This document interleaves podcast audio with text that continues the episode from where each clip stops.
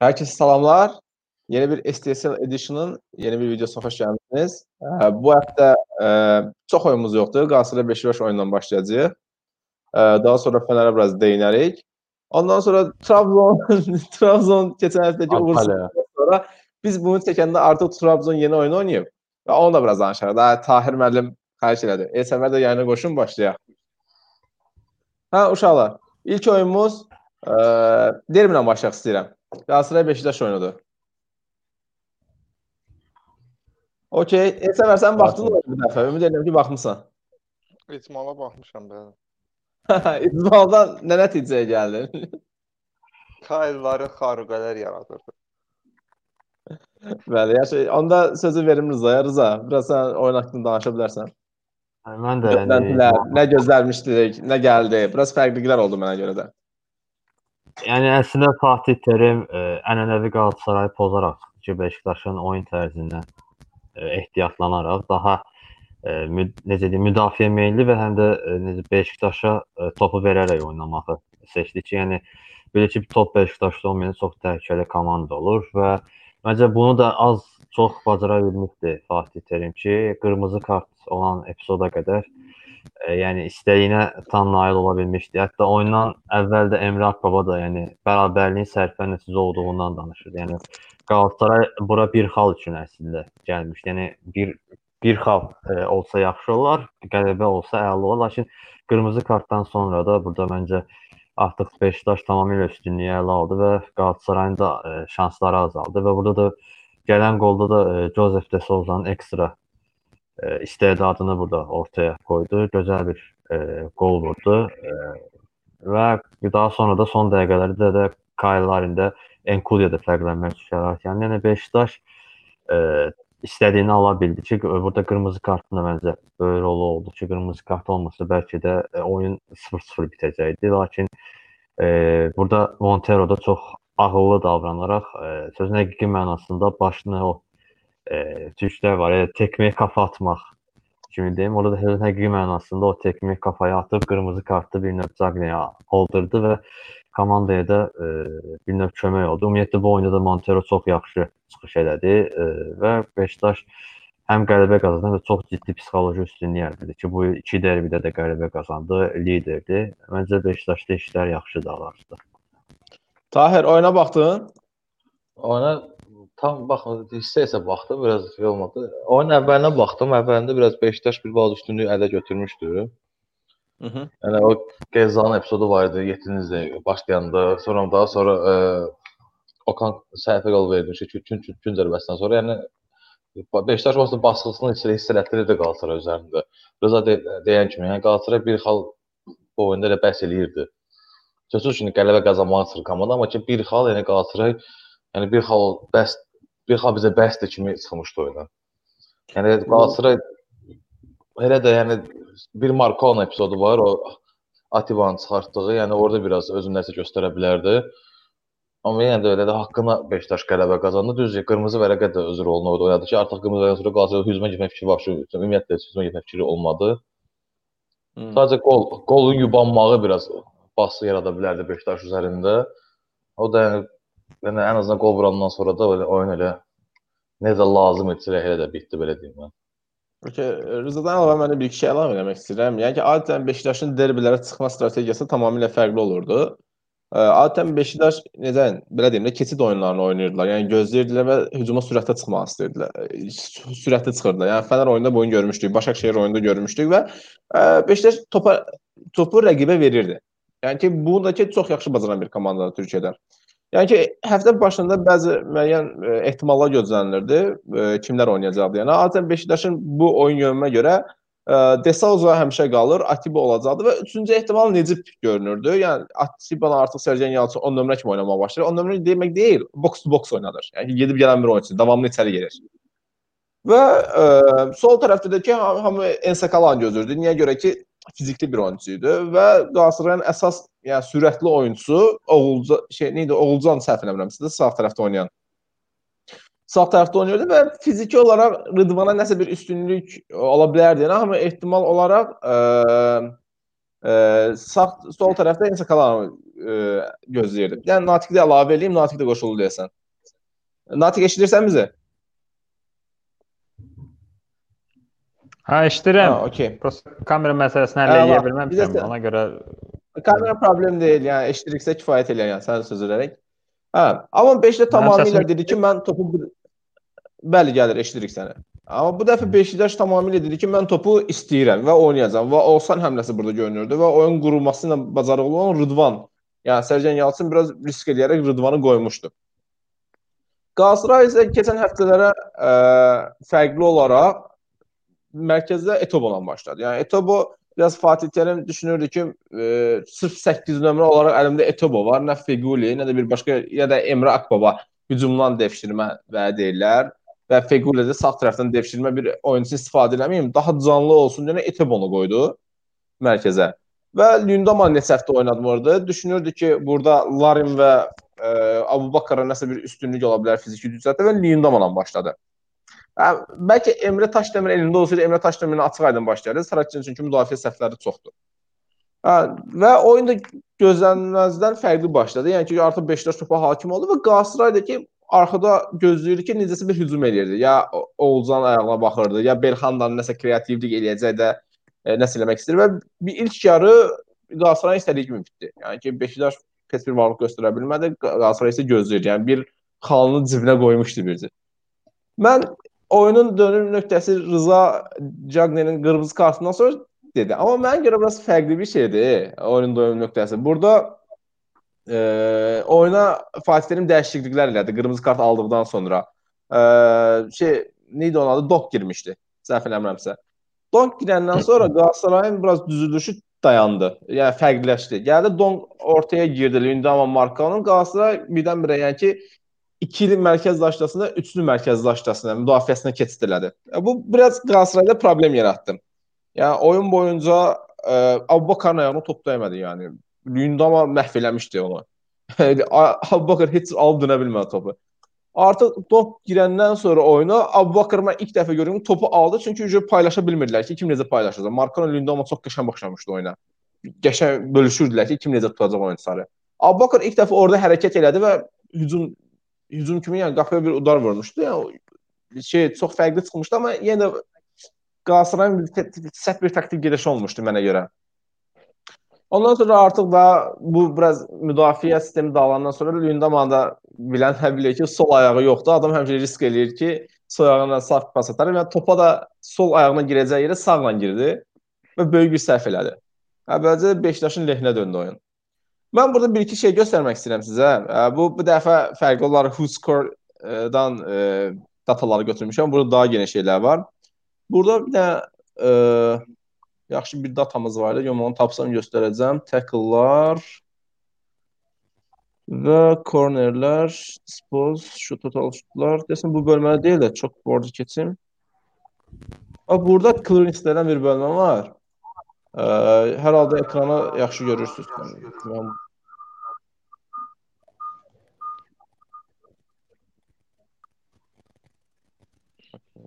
genişləndirək. Hə. Natik, sən baxdın oyuna.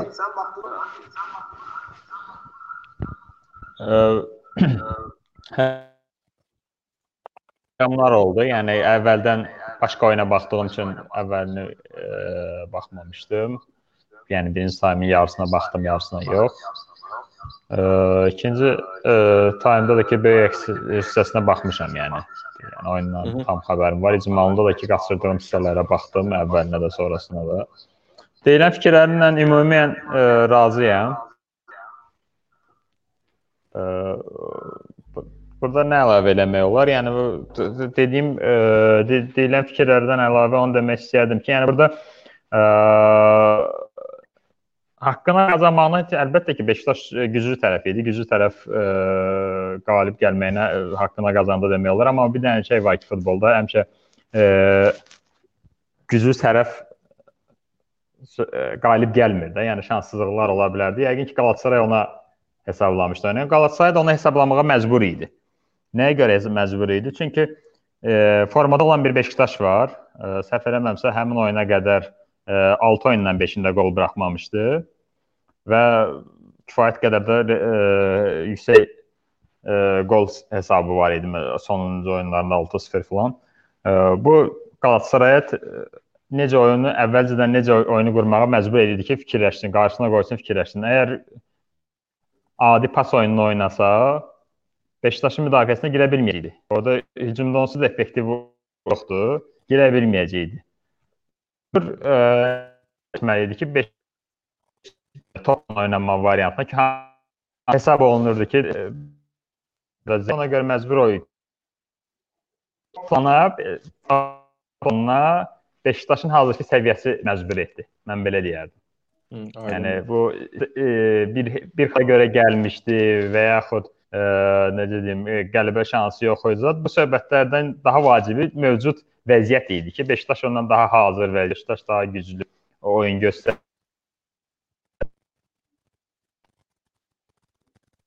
Natiq biraz səs problemi yaşayır. Səsin qırıq-qırıq gəlir.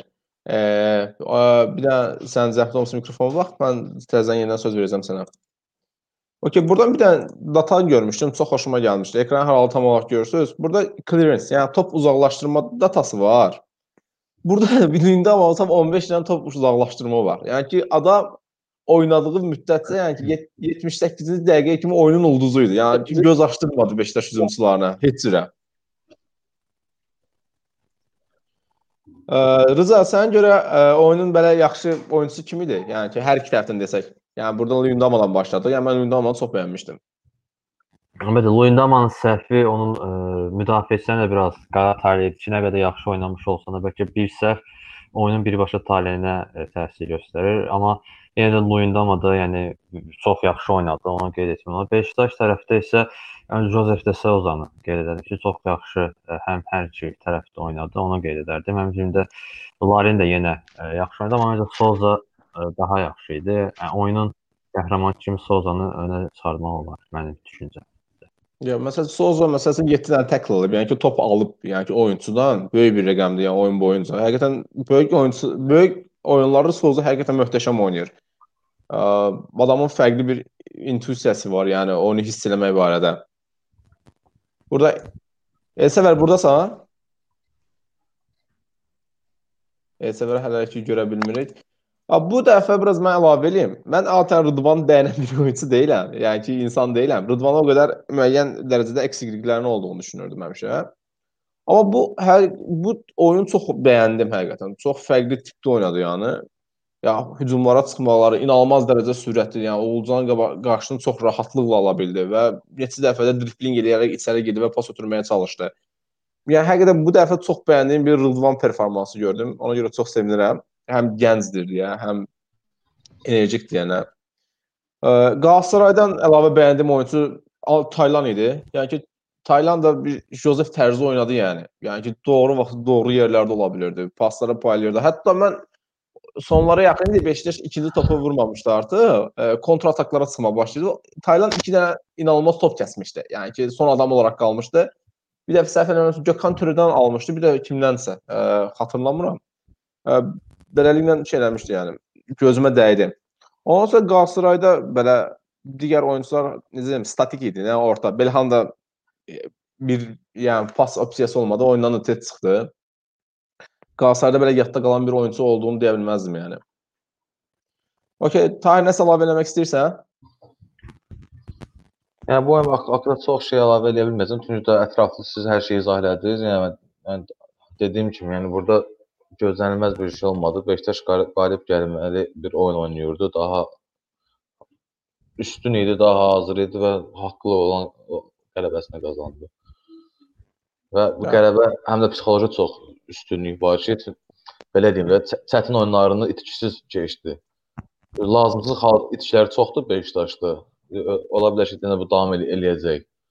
Amma ən azından psixoloji cəhətdən üstünlüyü Beşiktaş öz əlinə alıb, mən belə deyərdim. Ay, yenə baxaq görə, yəni Beşiktaşın oyunçu baxımından çox belə minusları var. Həqiqətən belə çox alternativli deyil. Qalatasarayda da eyni problem var. Yeganə bu barədə başı rahat olan Fenerbahçedir. Hələ buradan da switch edək Fenerbahçenin oyununa.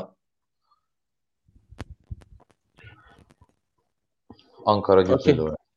Bəli, Ankara gücü ilə Keçən həftə indi sonları deyəcəm mən. Rüfət çox belə elan eləmişdi ki, Fənər Ankara gücünə xal itirəcək.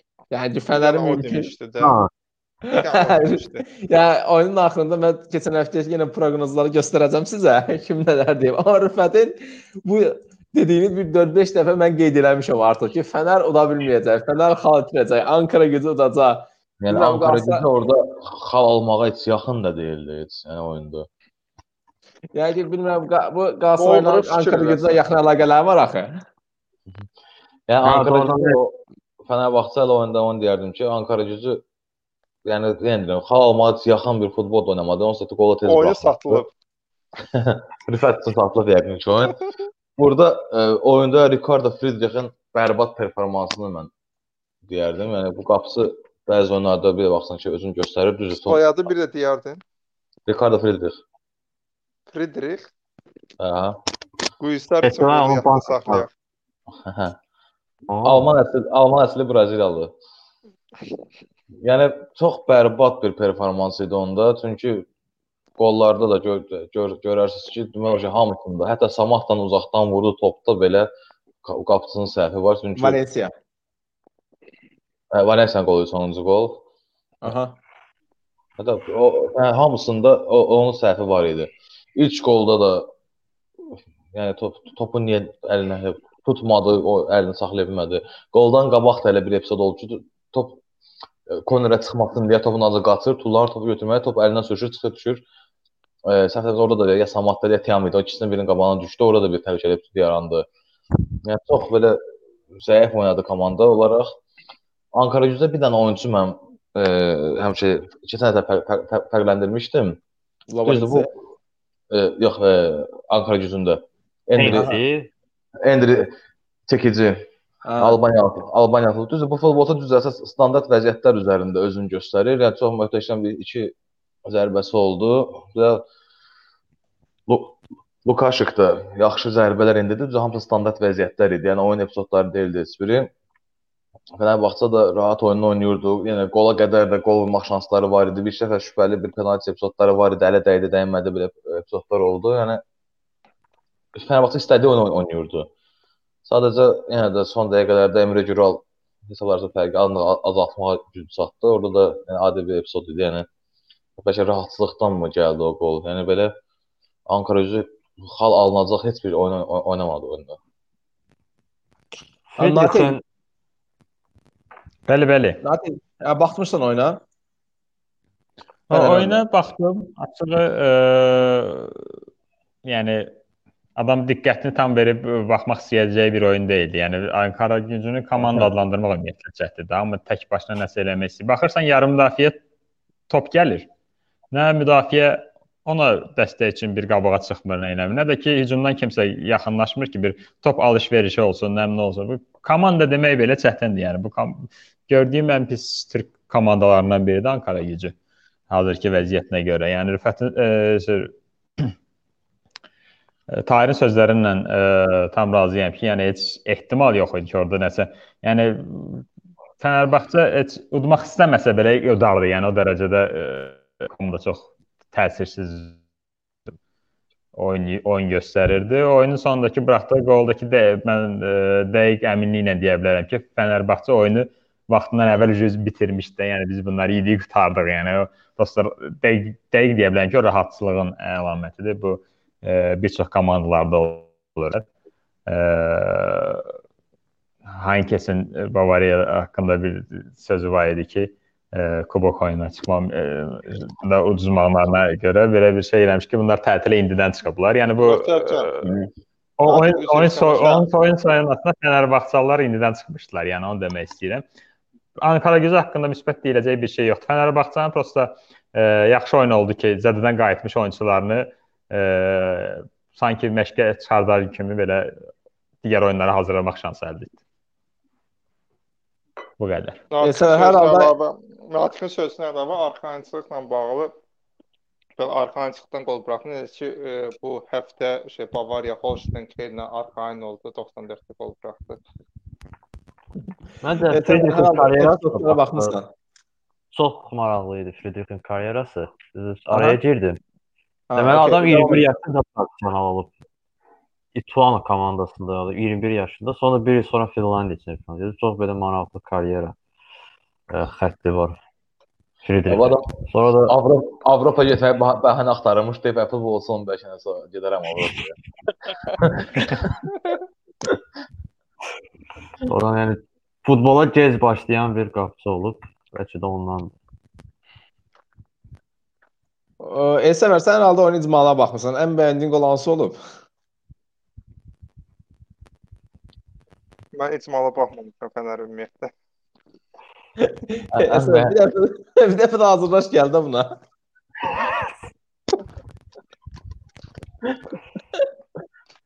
Allah Fənər əleyhinə deyilmiş hər bir sözü dəstəkləyirəm. Yox, burada Rıza, getmək istəyirəm sənə. Burada hər halda sən Fənarın ə, başladığı ilk 11-də nəsə ə, fərqlilik gördünmü və ya oyun tərzlərində keçən həftələrə baxanda? Ya orada Səbəb- böyüdə bilər, aşağıdan ekranı böyüdə bilərsiniz, rahatlıqla baxa bilərsiniz ekrana. Sərdar dediyi kimi yəni daha çox Fenerbahçe'də biraz taktiki olaraq da məncə bir dəyişiklik yox idi. Sadəcə oyunçular dəyişibdi. Bu da Fenerbahçe'də normaldır. Heyət geniş olduğu üçün məncə Fenerbahçe'də əsas ə, maraqlı məqam Məsud Özilin də gəlişindən sonra olacaq ki, onun komandaya necə adaptasiya olması olacaq.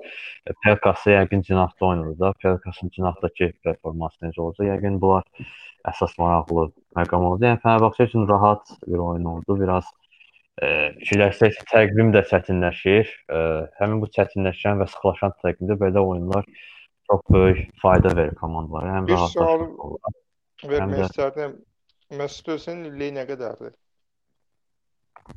Yaxşı sualdır. Bunu məncə Dedilər 3.5 ilə 14 milyon pul alacaq dedilər. Yəni belə bir şey var idi, eşitdiyim xəbər var idi. Trabzona gələrdə, Trabzona pulu verə bilərdim aslında. Trabzon kim dedilər? Hə, Papu Gomez dedilər Trabzonspora. Xəbər. Papu Gomez'i versələr birinci Juventus alar. Nəinki şey, Hə. Trabzon. Hə, yəni bir belə bir yəni, Trabzon mediası Trabzona yəni o qədər adları var ki, mən bir bir 15-ni yadda saxlamışam. Özülən, Bir yəni əlavə 15-ni unut, unutmuşam. dollarla ya lira, dollar olar yəqin. İllik 4 milyon edir. Yəni evro, evro idi, evro söhbəti gedirdi. 4 milyon yaxşı. Ya Ali Koç gözün qaraldıb da bu il seçim var deyənə adam nəsə eləməlidir də, yəni. İlin axırında yenə gəlib çempion ola bilməsələr vəziyyət çox gərgin olacaq. Həm də o da var ki, bu il son yerçi Türkiyə çempionu birbaşa qruplara qatılacaq. Yəni ondan sonrakı illər Türkiyə çempionu ə, çempionlara Ya qatılmaq üçün olacaq. yenə yenə də qatılacaq. Ya o o o, o bayağı narahat olma dəymət Türk Türk klublarından. Məsələn Ajax, Ajax yenə də birbaşa qatıldı bu il. Çünki yəni orada bir şey var ki, çox geriyə getməsə, yəni belə deyim, birbaşa getməyənin içində birinci olsa ölkə olaraq Çempionlar Liqasını qazanan komanda əgər onsuz da əvvəldən də öz özü öz çempionatını Çempionlar Liqasına vəzifə qazanıbsa, növbə ötürülür onlara. Məsələn, Bavariya Çempionlar Liqasını qazandı, onsuz da çıxmışdı deyə Ajax birbaşa qrup qrupdan başladı. Amma Türkiyə artıq o ə, həmin o zonada tərk edib. Yəni onsuz da Hə, indi hə. həmin o məhz Hə, hə, Hayır, o sondan Bax, tərk edib. Hətta biraz aşağı gedir. Yəni, təqdirdə olmayacaqlar qrupda birbaşa. Əslində mən Yəni- buna sevinirəm. Məsələn, hal-hazırda. Türkiyə o Tahirin dediyi zonadadır. İndi ümumiyyətlə ondan geriyə düşüb 13-cü sıradadır. hə, onda heç. 13-dür, Onun üçün, 13-dən çox o tərəf ilk 15 qatıla bilir də birbaşa olaraq elə. Yoxsa ilk Yo, yo, yo. 15-in 3 ilk 15-in yoxsa 2-dən on- klub göndərmək 15. şansı var. İlk 15 2 dənə göndərir. İlk 10-sa birbaşa qatılır. 11-ci yerə Tahirin dediyi kimi əlavə əgər Çempionlar Liqasının qalibi qatılırsa, çempionlar öz, öz, öz çempionu olubsa birbaşa 11-ci yerə ötürülür. 13 Yəni o da- 13 o da seçib yəni mümkünsüz bir şeydir ki, mənə e, elə gəlir ki, Çempionlar Liqasını qazanan komanda öz çempionatında yer tutmasın. Bir də İngiltərə çempionatında elə bir şey baş verə bilər, o vaxt Liverpool olan kimi. bir olmuşdu Chelsea olan. Hə, yəni elə şeylər belə ola bilər olsun da, yəni ən- ancaq İngiltərədə elə bir problem baş verə bilərdi. Digər ölkələrdə Çempionlar Liqasını qazanan ən halda öz çempionatını ikinci bitirir. Bundan ən çox başı ağrıyan e, e, 2002 yox 2001-2002-də Espanyoldur. Real Madrid 5-ci yer tutur, Espanyol 4-cü yer tutur. Real Madrid gedir, Espanyol gedir o. Çempion Liqası çempionu kimi. Hə, 2012-də Tottenham 4-cü olmuşdu, Chelsea 6 olmuşdu. Çempionlar Liqası udduğuna görə Tottenham e, Avroliqaya getməli oldu. 2012-də də eyni oldu. Amma Liverpoolda fərqli bir şey eləmişdilər. Necə yazına gəlir? O 2005 çempionluğundan sonra 5 dənə komanda göndərmişdi. Prosta Liverpool birinci təsdiqat mərhələsindən başlamışdı. Yadımda e, bir şey oynayırdı desə, OS komandası ilə, sonra da Leeds komandası verir. Ha, xeyli. O Liverpool çox yormuşdu həmin il. Yəni həmin illər Çempionlar Liqasında yenə də ki, yerli liqada bir şey göstərə bilmədi. Yəni sezona tez başlamağın belə dezavantajlarını yaşadı Liverpool. Hüseyn, ay Hüseyn. Yəni birinci tə- tə- təsdiqat mərhələsi Liverpool niyə yorum aldı ki?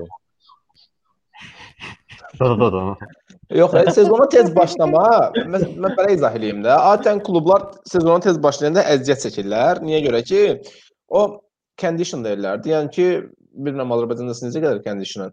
Yəni orada bir yükləmələr olur. O yükləmələr gəlir pik nöqtəyə düşür və yavaş-yavaş azalmağa başlayır oyunçularda.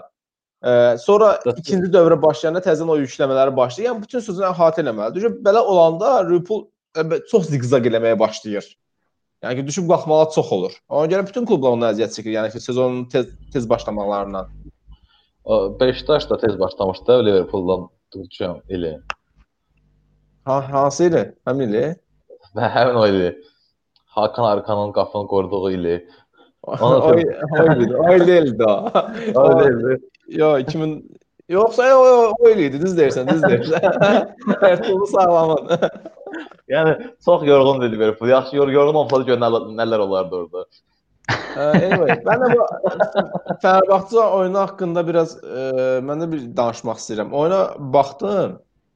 Yəni ki, o Friedrich'in məşhur səhvinə kimi e, oyun maraqlı gəlirdi mənə də. Adam bir qapçı bu niyə belə səhv eləyir? Mənə çox maraqlı gəldi həqiqətən. Yəni maraqlı gəlmədi, yəni ki, qabaq Ha, var idi. Koldan qabağı da bir dəfə əlindən buraxmışdı topu. Həqiqətən biraz gəldi. Bu, burada mən cəlb edən bir şey oldu bu oyunda. Ə, ə, xüsusilə ə, məsələn bu dəfə Ozan çıxmadı qabağa.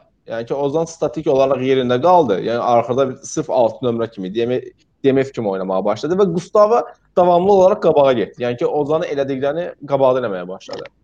Yəni biraz mənə bu hissə gəlir ki, yəni ki, Fenerbahçenin bir pas problemi var. Yəni ki, keçən dəfə bir statistika eşitmişdim.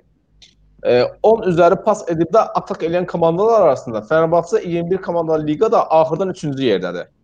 Yəni ki, bu adamlar bir necə komanda oyunu şəkildə gedib şey eləyə bilmirlər, hücum eləyə bilmirlər. E, bu dəfə mən düşünürəm ki, Erel Bulut bu Ozanın düzdür, çox fiziklə oynayır, e, can qoyur, driblingi çox yaxşı adam, yəni pas qabiliyyəti yoxdur. E, yəni ki, bu müəyyən oyunu açmaqda eləmədə nəsə problem yaşayır Fenerbahçe və Gustavonu daha pas opsiyonlarını yaratmaq üçün, opsiyonları yaratmaq üçün qabağa göndərmişlər. Gustavo demək olar davamlı qabaqda oynadı və Ozan arxada qaldı. Amma bunun da ki, Ha. aha, buyur Tahir.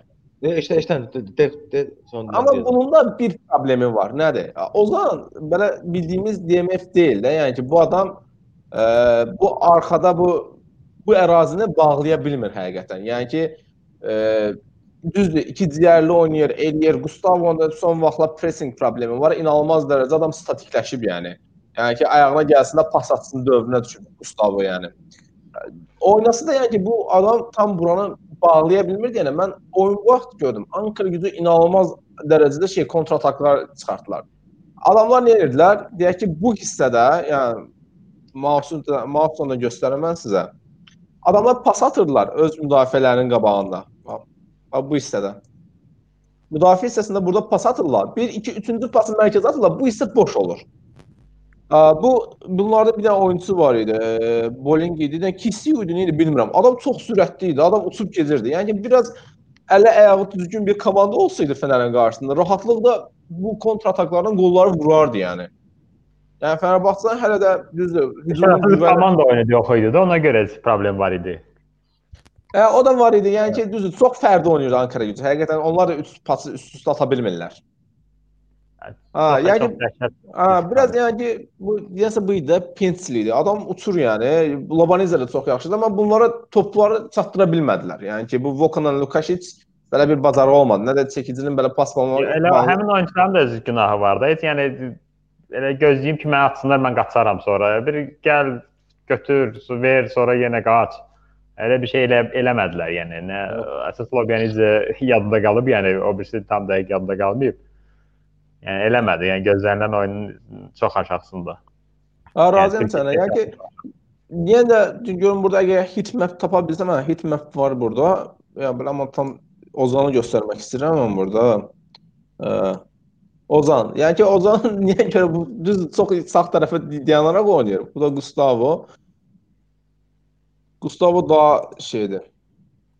İkisi belə bağlasın, yəni bu orta istər-istəməz mən görürəm ki, çoxlu şeylər. Pressing şeyi axıcı gəlmir Fənərdə. Yəni çox problemlər yaşayır. Beşiktaş bunları çox rahat tuturdu və rahat hücuma çıxırdı. Ankara gücü bacarmasa növbəti həftə Fənərbağçı kimlə oynayır bilmirəm, amma yəni bir Hataydı, bir yəni yəni Sivasla, Sivasla oynayır. Məsələn, Sivasın əl ayağı düzgün bir komandadır yəni.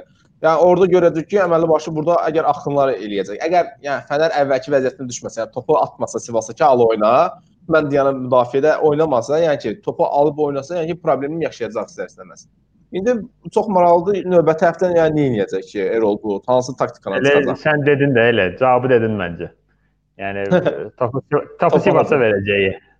E, çünki başqa bacardıqları yoxdur. Onların ümidi bayaqlar dedin ki, pas məsələsi. Onların ümidi də emblem oradan gözümə girir Trabzonun. Sosaya idi ümidləri ki, bunlar üçün gəlib oyun quracaq. Yəni Aha. arxadan alacaq, qabağa ötürəcək, qabaqdakılar iş bitirəcək. Amma bu Sosodakı nə bilim vallahi sonuncu e, talih quşuna qondu, nə nədir bilmirəm da elə bir şey. Yəni onu bir kənara qoysaq, e, istədikləri o sən dediyin ki, paslı oyunu oynamağa cəhd elədilər və gördülər ki, çox oyun itirirlər, çoxlu qol yeyirlər. Keçdilər əks tərəfə. Türkiyənin Türkiyə çempionatının əsas məsələsi əs qol vurmasam da qol yeməyim prinsipinə keçdilər. Arxaya keçdi. Qabaqda da ki, qardaş indi bu oyunçular alıblar da, yəni nə nə deyəsən, bu Valensiya həm qıraqda oynayır, həm mərkəzdə oynayır, Tiam həm kənarda oynayır, həm mərkəzdə oynayır, Samat da onun kimi. Yəni hər tərəfli hücumçulardır. Yəni top düşəndə bu cür zəif qapıçılar, bu cür zəif komandalar olanda əlbəttə istifadə eləyəcəklər. Yəni əsas prinsip odur ki, e, qol vura bilməsən də qol yeməyim. Məncə Sivasın oyunda da elə çıxacaq. Görəm, məsələn, maraqlı bir statistika Valensiya 11 dənə top itirib, yəni Fenerbahçe oyun boyunca. Yəni böyük rəqəmdir. Ya Fenerbahçe həddindən artıq Valensiyanın tərəfinə hücum etməyə başlayır. Biraz düzdür. Oyun ağlı Pelkasla Valensiya üzərində. Yəni Valensiya oynayanda Fenerbahçe bir səviyyə topla çox oynadı. Mən ha. gördüyüm hissə, hissələrdə, yəni belə diqqət yetirdiyim şeydə topla oynamağa daha çox can atan oyunçu idi. Yəni hücumdakı üç Qarabaladan ən çox e, Valensiya topla oynamağa cəhd edirdi. Hə, yəni ki, bura Valensiya oynayanda oyun ağlı olur Fenerbahçe. Yəni onun üzərinə yıxırlar Pelkasla verirlər. Topla çox oynayan, çox da driblinqə meylli oyunçu top da itirənə çox top itirir. Yəni bu yəni statistikadan görsənir ki, ona yaxın bir rəqəm yoxdur. Yəni Valensiyanın itiyi topla. Düzdür. Məsələn, Trabzonda ən çox top itirən oyunçu Sosa idi keçən il. Məsələn, belə bir statistika var. Çünki çox cəhd eləyirdi adam. Bu da məsələn Yaxşı, bir şey sual vermək istəyirəm indi. Yaxşı, Fənər belə gördük ki, bəzi komandalara qarşı topu verərək oynayır. Yəni ki, gələn həftə böyük ehtimalla yenə Sivasa verərək oynayır. Bəs Özül gələndə bu oyunu mənimsəyə biləcəklər bu adamlar. Çünki Özül davamlı e, top istəyən bir adamdır. Top oynamaq istəyir, çalışmalıdır. Yəni gəlib də kontrol oyuna ya düşməz Özül düşünürəm. Yəni Erol bu çox Erol, ağır sualdır. Erol Bulut nə dedi? Aşı xalımı alıb, 3 xalımı qoyum cibimə, mən maraqlı deyil, oyun zat deyəcək. Yoxsa həqiqətən özü üçün bir şey fikirləşəcəklər bu adamlar. Onlar bir sualda verim mən. Özü üçün də böyük bir maraq olacaq ki, Erol Bulut üçün verməksinə işləmək, yəni elə. Mən də bir dənə sual olar verim. Bəli, bəli, Səbir, buyur. Siz özündən bir, bu qədər çox şey gözləyirsiniz. Özü ora gəlib pul qazanmağa, gəzməyə gəlir. Ay yox, məsələ özünün nə etməyindədir, əsl fənərin nə etməyindədir. O nə gö nə gözləyirsiniz sözsüzdən heç. Özündən mən yüksək bir şey gözləmirəm. Yəni o oynamaq istəsə o hələ də Türkiyə çempionatının səviyyəsinin üstündə oyunçudur. Amma ki fənər ona uyğun. İstəsəydi Natiq üzr istəyirəm. Adam oynamaq istəsəydi ən azından gəlib Almaniyada oynaya bilərdi. Adamın oynamaq həvəsi. Yox, Almaniya tüpürü bu adam. Yox, Almaniyada o həmin şeydə səviyyədə qalmayacaqlar. Türkiyə çempionatının səviyyəsi də ki, özü ilə 3 3 il sonra getsə də yenə də Türkiyə səviyyəsi, səviyyəsi üçün. Mən Tahir dediyini demək istəyirdim elə ki, yəni ki, Türkiyə çempionatının səviyyəsi çox aşağıdır. Yəni istəsə oynaya bilər, amma ki, məsələ ondadır ki, o şeyin deyilən məsələ ki, yəni ki, Fənər özünün istədiyi oyunu oynaya bilər. Hazırdakı oyunçularla mən gördüyüm qədərilə oynaya bilməz. Ə, əllərində yaxşı bəhanə var ki, fiziki formasında deyil. Hələ hazırlaşacaq, hələ hazırlaşacaq. Nə bilim axırda bir 15 dəqiqə, 20 dəqiqə buraxmağın azadından bir də gördün şey sezon qutardı. E, mən elə görürəm bu sezonu. Gələn sezon üçün də gərək nə bilim bir yanına bir iki dənə də pas alıb verə bilən oyunçu olsun ki, bu oynaya bilsin də. Yoxsa belə məncə ə, çox da uğurlu bir şey görmürəm. Yəni əksinə ona ümid olub dala da düşə bilərlər. Qabağa çıxıb məsəl üçün top itirib Razıyam sənə. Biraz Fənərin oyun xarakteristikası şeydir, yəni ki, birbaşa hücumluqdur. Yəni ki, Pelkas yəni belə mən ya davamlı qapını düşünən bir adamdır. Yəni ki, alım set oynayım, ora verim, bura verim bir adam deyil, düzü. Elə deyil, bəli. Actionlar eləyir. Orada bir Valencia bura uyğun ola bilər. Tiam deyil yəni qəti. Yəni Tiam düzdür, Kasımpaşa hədiyyə elədi Fənərə də. Düzdür, gol da vurur adam, amma mən yəni bəyənmirəm. Fənər səviyyəsində bir oyunçu deyil əlbəttə. Yəni Samat da o hücumçuların dedikləri topu sinəsinə alıb oyun qurma məsələsini bacaran bir hücumçu deyil. Yəni o da qabağına top istəyən adamdır. Yəni ki, o da alsın set hücumları qursun. Siz isə eyni cəhətdən deyil. Yəni ki, biraz əgər Fenerbahçe bu oyuna keçməlisə, biraz yenə də bir 18 dənə transfer eləsin gərək. Ən azı. Bunlar e, təxmini ümidlərini bilirsiniz necə belə. Mən təsəvvür edirəm də, yəni bunlar özünü necə qoydular. Onun nömrə mövqeyinə. Arxadan nə bilim ya Ozanla ya nə bilim Gustavo ilə ona pas ötürdük. Bu da baxdı sağa sola kim yaxşı qaça bilər, bir dənə uzun pas atdı, o adam qaçdı. Bütün oyunu bu olacaq da. Yəni tə, kiməsə pas verməyəcək, o yana o yana qaçmayacaq. Mən elə görürəm. Yəni. İki qolu da yəni belə bir birinci qapı səhvi oldu. Adam tuta bilmədi üstünə gələn topu. İkincisi də topu atdılar. Tiama gəldi, şey var, Atakan var. Atakan gəldi öz oyunçusuna girdi belə. O qədər paldır gültür hə. oyunçudur ki, top girdi, Samatdan qabağına düşür, Samat da vurdu yəni. Belə belə aman aman bir fərqli yəni, şey hücum golünçü də iç golünçü də halva qollar idi. Yəni belə komanda yəni, o, orada, e, Atakan idi. E, o birinci epizod mən deyirəm. Friedrich top sürüşü topu gö götürməyə top əlindən buraxır. Aha, ha. Sangare, orada, Sangare epizodu, ha.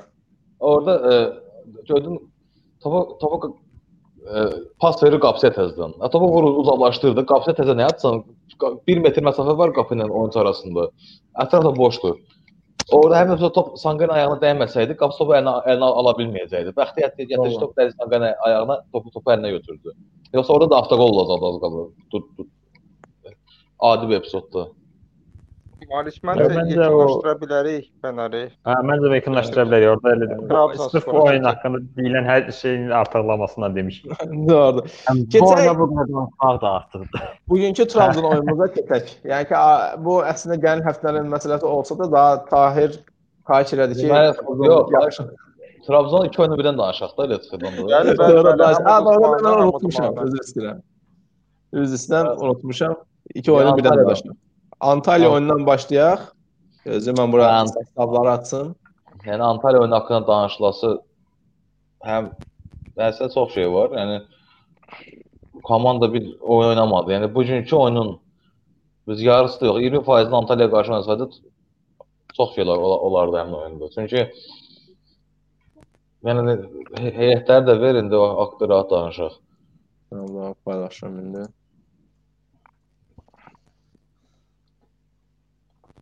Yəni komanda stabil olmağı üçün göstərir yəni də burada. Yəni Abdulkadir Ömür sezondan ballara düzdür, ballar aşağı göstərir üçün komanda uğurlu oynayan göstərmədi. Yəni qol pas heç bir şey eləməmişdi Abdulkadir Ömür, amma Abdulkadir öz driblingdə öz texnikasını mən deyim ki, bu sezonda 2 dəfə belə göstərdi və Ərsan Gülmə də elə qırmızını Abdulkadir aldırdı. İkinci sarısını, birinci sarıda penal epizodu Ekban penalı vura bilmədi.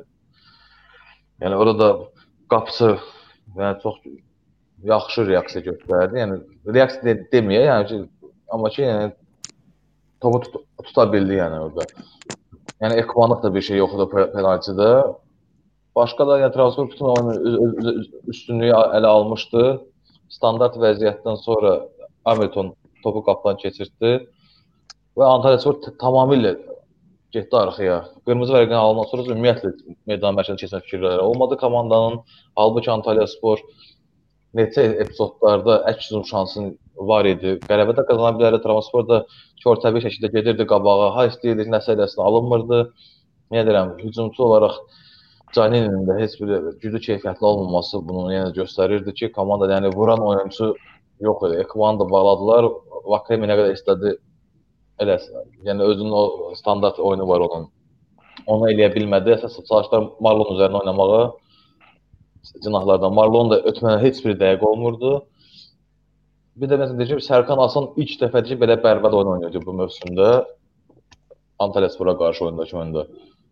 Ya 6-12 alıb reytinqdə. Yəni, yəni onu əvəzdən Görcənlə birlikdə ən aşağı alan reytinqdə oyunçudur. Yəni, Pereira'nın saldı ikinci hissədə Abdullah Hafız. Yəni komanda heç bir oyun oynamırdı. Yəni Trabzon bəxti o bir xalı qazandı. Çünki orada 95-ci dəqiqədə 3-cü zərbəsi vaxtı oradan çakır da qapısını qapıdan çıxdı ki, bəs nəsə bəlkə şans olar.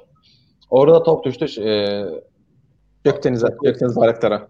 Gök, Gökdeniz Bayraktar topu Nadircən uzaqlaşdırdı. Top düşdü Gökdeniz Bayraktara. Qabağında biraz boşluq var idi. Biraz topla irəlilədi. Gördü ki, oradan çatırlar. İstədi, qapıya zərbə vursun. Yəni bomboş qapı, heç kim yox. Yəni ən azından qapıya yaxın bir zərbə vurmaqları. Top qapıda bir 10 metr aralı keçdi. Yəni boş qapı. Ondan sonra Uğurcan topu yerə qoyub başladı. Trabzonspor Vakemin ötürməsindən sonra Afobe gol vurdu. Yəni Afobenin də gol vurmağı Trabzonlar üçün bir yəni deyirlər dünyanın dünyanın sonu gəldiyəsən Afobe ilə gol vurub. Yəni xal qazandırdı komandaya. Yəni belə Trabzonspor çox zəif, bərbad oyun oynadı və xal itirdi. Afobe dəstə ilk oyununda gol vurmuşdu da. Afobe ilk oyunda gol Fenerbahçeyə gol vurmuşdu Afobe Saracoğlu. Aydındır. Esə demək istəyin nəsə var mı? Bugünkü oyun bəs Tahir e, Bugünkü e, bizi izlə, iz, üzr istəyirəm. Bizi izləyənlərə və hamı bilir ki, mənim Trabzon Trabzonspora ayrı simpatiyam var Türkiyə çempionatında. Öncə bir halda Bunu eləmə. Mənə çox maraqlıdır Trabzon vəziyyəti. Bugünkü oyun və sonda Tahir bildirsin Trabzonspor. Yəni biraz şey bu oyunu yekunlaşdıraq Elsəvər. Yekunlaşdıra biraz, yəni ki, Yo, mən ona görə deyirəm də, sonda Tahir bildirsin Trabzonspor bu mövsüm çempionluğu qazana biləcək ya yox. Rıza, baxmısan Trabzon oyununa, yəni keçən e, Antalya oyununa? Yox, yox, baxa bilmədim. Amma icmana da belə baxdım. Yəni çox da itir bir şey itirmədiyimi düşünürəm. Hətta ailə gözümdə burada yəni positionda, yəni topla oynamanın 75-ə 25-ədir. Yəni ki, böyük məbləğ, böyük bir hissədir Trabzon ayağında olub. Yəni bir dənə sizə statistika demək istəyirəm. Yəni ki, Türkiyədə əgər bu ehtimallarda e, bir oyun varsa, həmişə az oynayan klub ya oyunu udur, ya da ki bərabər bitir. Yəni ki, son saniyələrdə qol olmasa da Antalya oyunu udacaqdı. Yəni ki, bu il Alanya'nın 3 belə oyunu var, 3-ünü də uduzublar, səhv eləmirəmsə. Beşiktaşın bir oyunu var belə, onu da uduzub. Bu da ki, Antalya Antalya udmalıydı da bu Gökdeniz Bayraktar topu boş qapıya vursa onu 2-0 qurtarmışdı. Aydın məsələ. Burada e, Abdullah Abdın eləmək istədiyi şey nədir axı? Həftələrdir görürük, yəni belədir ki, yəni mən gözləyim, bura keçid oyunu fikirləşim. Gözləyim, gol buraxmayım. E, udaram, vuraram birini udaram. Tipində oynamaq istəyirsən Abdullah Abdın burada da. Bir şey də var ki, Antalya Spor elə qoldan sonra Abdullah Avcı'nın oyun, oyununu Trabzonspora qarşı oynadı. Trabzon bağladı, kilitləndi. Ona da bir çarə tapmalıdır. Yəni öz taktikasını ona qarşı elədilər, komanda qaldı yerində. Antalya qoldan sonra meydan meydan yarısını keçə fikir, fikir olmadı komandanın. Topu da verdi ki, har, nə vaxt belə belə şey belə seçəndə harda qırılar qırılar futbol oynadı Antalya Spor. Onu da 96-cı dəqiqədə saxladı, yəni bəxtlər gətirmədi 96-cı dəqiqə qol buraxmaqlarına görə. Aydındır. İnanılmaz yəni ki, Trabzon 700-ün üzərindən pas edib, yəni pas atıb bu oyun. Yəni ki, o da ki 90% ehti şeylə, dəqiqliklə inanılmaz. Yəni Natiq əlavə eləmək istədiyin nəsə var bura? Allah təbiidir də, yəni burada elə böyük bir e, necə deyim, sensasiyalı bir şey kimi görmürəm. Çünki Antalya e, 10 nəfərli Qalatasaraya qarşı belə e, arxaya avtobusmu deyək, nə bilim, kamazımı deyək, çəkib oturdu arxaya ki, mən heç e, 40 metr qabağa belə çıxmayacağam. Yəni təbiidir 10 nəfərlə qal özü qalandan sonra elə oynamağı lap təbiidir ki, yəni ki, çəkəcəm fürsət bacarırsa vursun da. Onda ki, hələ çox şükür ki 90 plusda vurdum, bərabər elədilər. Yəni mənim heç ona ümidim yox idi. Yəni o dərəcədə avtobusu çəkib. Yəni bu ə, məşqçilərin adı nə idi yadımdan da çıxdı. Ə, adam Antalyanın Ersin Yanal. Ersin Yanalı götürüb bu Trabzonda başın daşa döydü ki, qardaş, bunu nə qələt elədim, gətirdim. Fənərbağçı gətirib ki, böyük klub məşqçisidir, məni çempion eləyəcək, nə eləyəcək. Hələ bir şərt çatda qoyublar ki, ilk şeydə belə nəticə olmalıdır, sonra belə nəticə. Yəni Ya da heç şey əlaqəsi yoxdur. Ya bu adamın yəni 10 nəfər qalmış Qalatasaraya qarşı elə oynayan ə, komandaya əlbəttə ki, özü 10 nəfərlə qalanda elə onun 2 qatını eləyəcək ki, təki gol buraxmayım. Yəni bu Antaliyanın ə, bərbad oyununu məncə daha çox görəcəyik. Yəni çox komandalara qarşı belə oynayacaq. Yəni mənim maraqlıdır. Antalya Spor Hatay Hatay alt nəzərində təbii bunları tapıb vurub bu həmin hepsi. Yəni mənə gəlir 5 turdan sonra Antalya yenə də hücum açmaq fikri yo- yox idi, amma yenə də Hatay ilə bir, bir ucdan vururdu. Burada çox maraqlı bir şey var ki, oyun boyunca Antalya Spor 31-dən uzaqlaşdırma eləyib və Trabzon heç bir uzaqlaşdırması yoxdur. Top gəlir baxır. Yəni bir dəfə gəlib Antalya Spor. Gəlmir. Yəni Standart vəziyyət o necə deyirlər, arka dirək deyirlər də türklərdə. Yəni oradan bir top qapı, oradan top, topu çıxarda bilmədi. FC. Ona da Antalya Spor da gəlmədi. Aydındır. Yəni burada artıq belə baxıram ki, bu oyun haqqında danışılası çox bir şey yoxdur. Bugünkü oyuna keçə bilərik istəyirsən.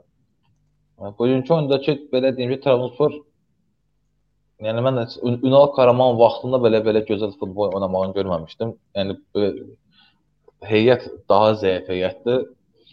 Keçən il Beşiktaşla oyunda məsələn Trabzonspor tam oyun oyn- oynayırdı, amma orada da heyət təmiz başqa heyət idi. Bu belə heyətlə, belə o komanda ilə Trabzon möhtəşəm bir futbol oynadı. Əsasən də Sərkan Asan keçən oyun nə qədər bərbad oynamışsa, bu bir dəfə onun 2-3 qatını daha əvəzini çıxdı belə deyək. Heç bir səhv eləmədi, hər yerdə var idi, öz cinahını təmiz bağlamışdı. 2 dəfə oyuncu dəyişikliyi oldu, rəqib komanda onun o, o cinahda Ömər Al e, Sokol e, Çikaleşi birinci orada başlamışdı. Sonra Ömər, Ömər, Ömər Ali Şahinənin yerini dəyişdi. Sonra Malum Matəzən özü gəldi. Sonra e, bir oyuncu dəyişikliyi oldu. Kosovalı oyuncu tipli bir Aha. futbolçu. Hə. Oxa bilmirəm. Yəni ki, 5 dənə dalbala Samit var burada. Hə, bu tig. Kosovalı o da o da ora gəldi. Yəni heç nə eləmədi Sərkanasına qarşı. Marlonu 6-19 göstərdilər. Yəni Marlonu mən 6-19 deməzdim. Düzdür, onun can canana az gəldilər. Yəni ola bilər ki, qol ocinatdan buraxılıb deyə az veriblər, amma ki Marlon da çox möhtəşəm oynadı. Vitor Hugo ilə Edgar elədi iş düşmədi oyunda. Uğurcan da məsələn elə iki dəfə top gəldi zəmsi, ciddi top gəldi, onda bir qapı qapıya girdi. Yəni ona görə aşağı baladılar.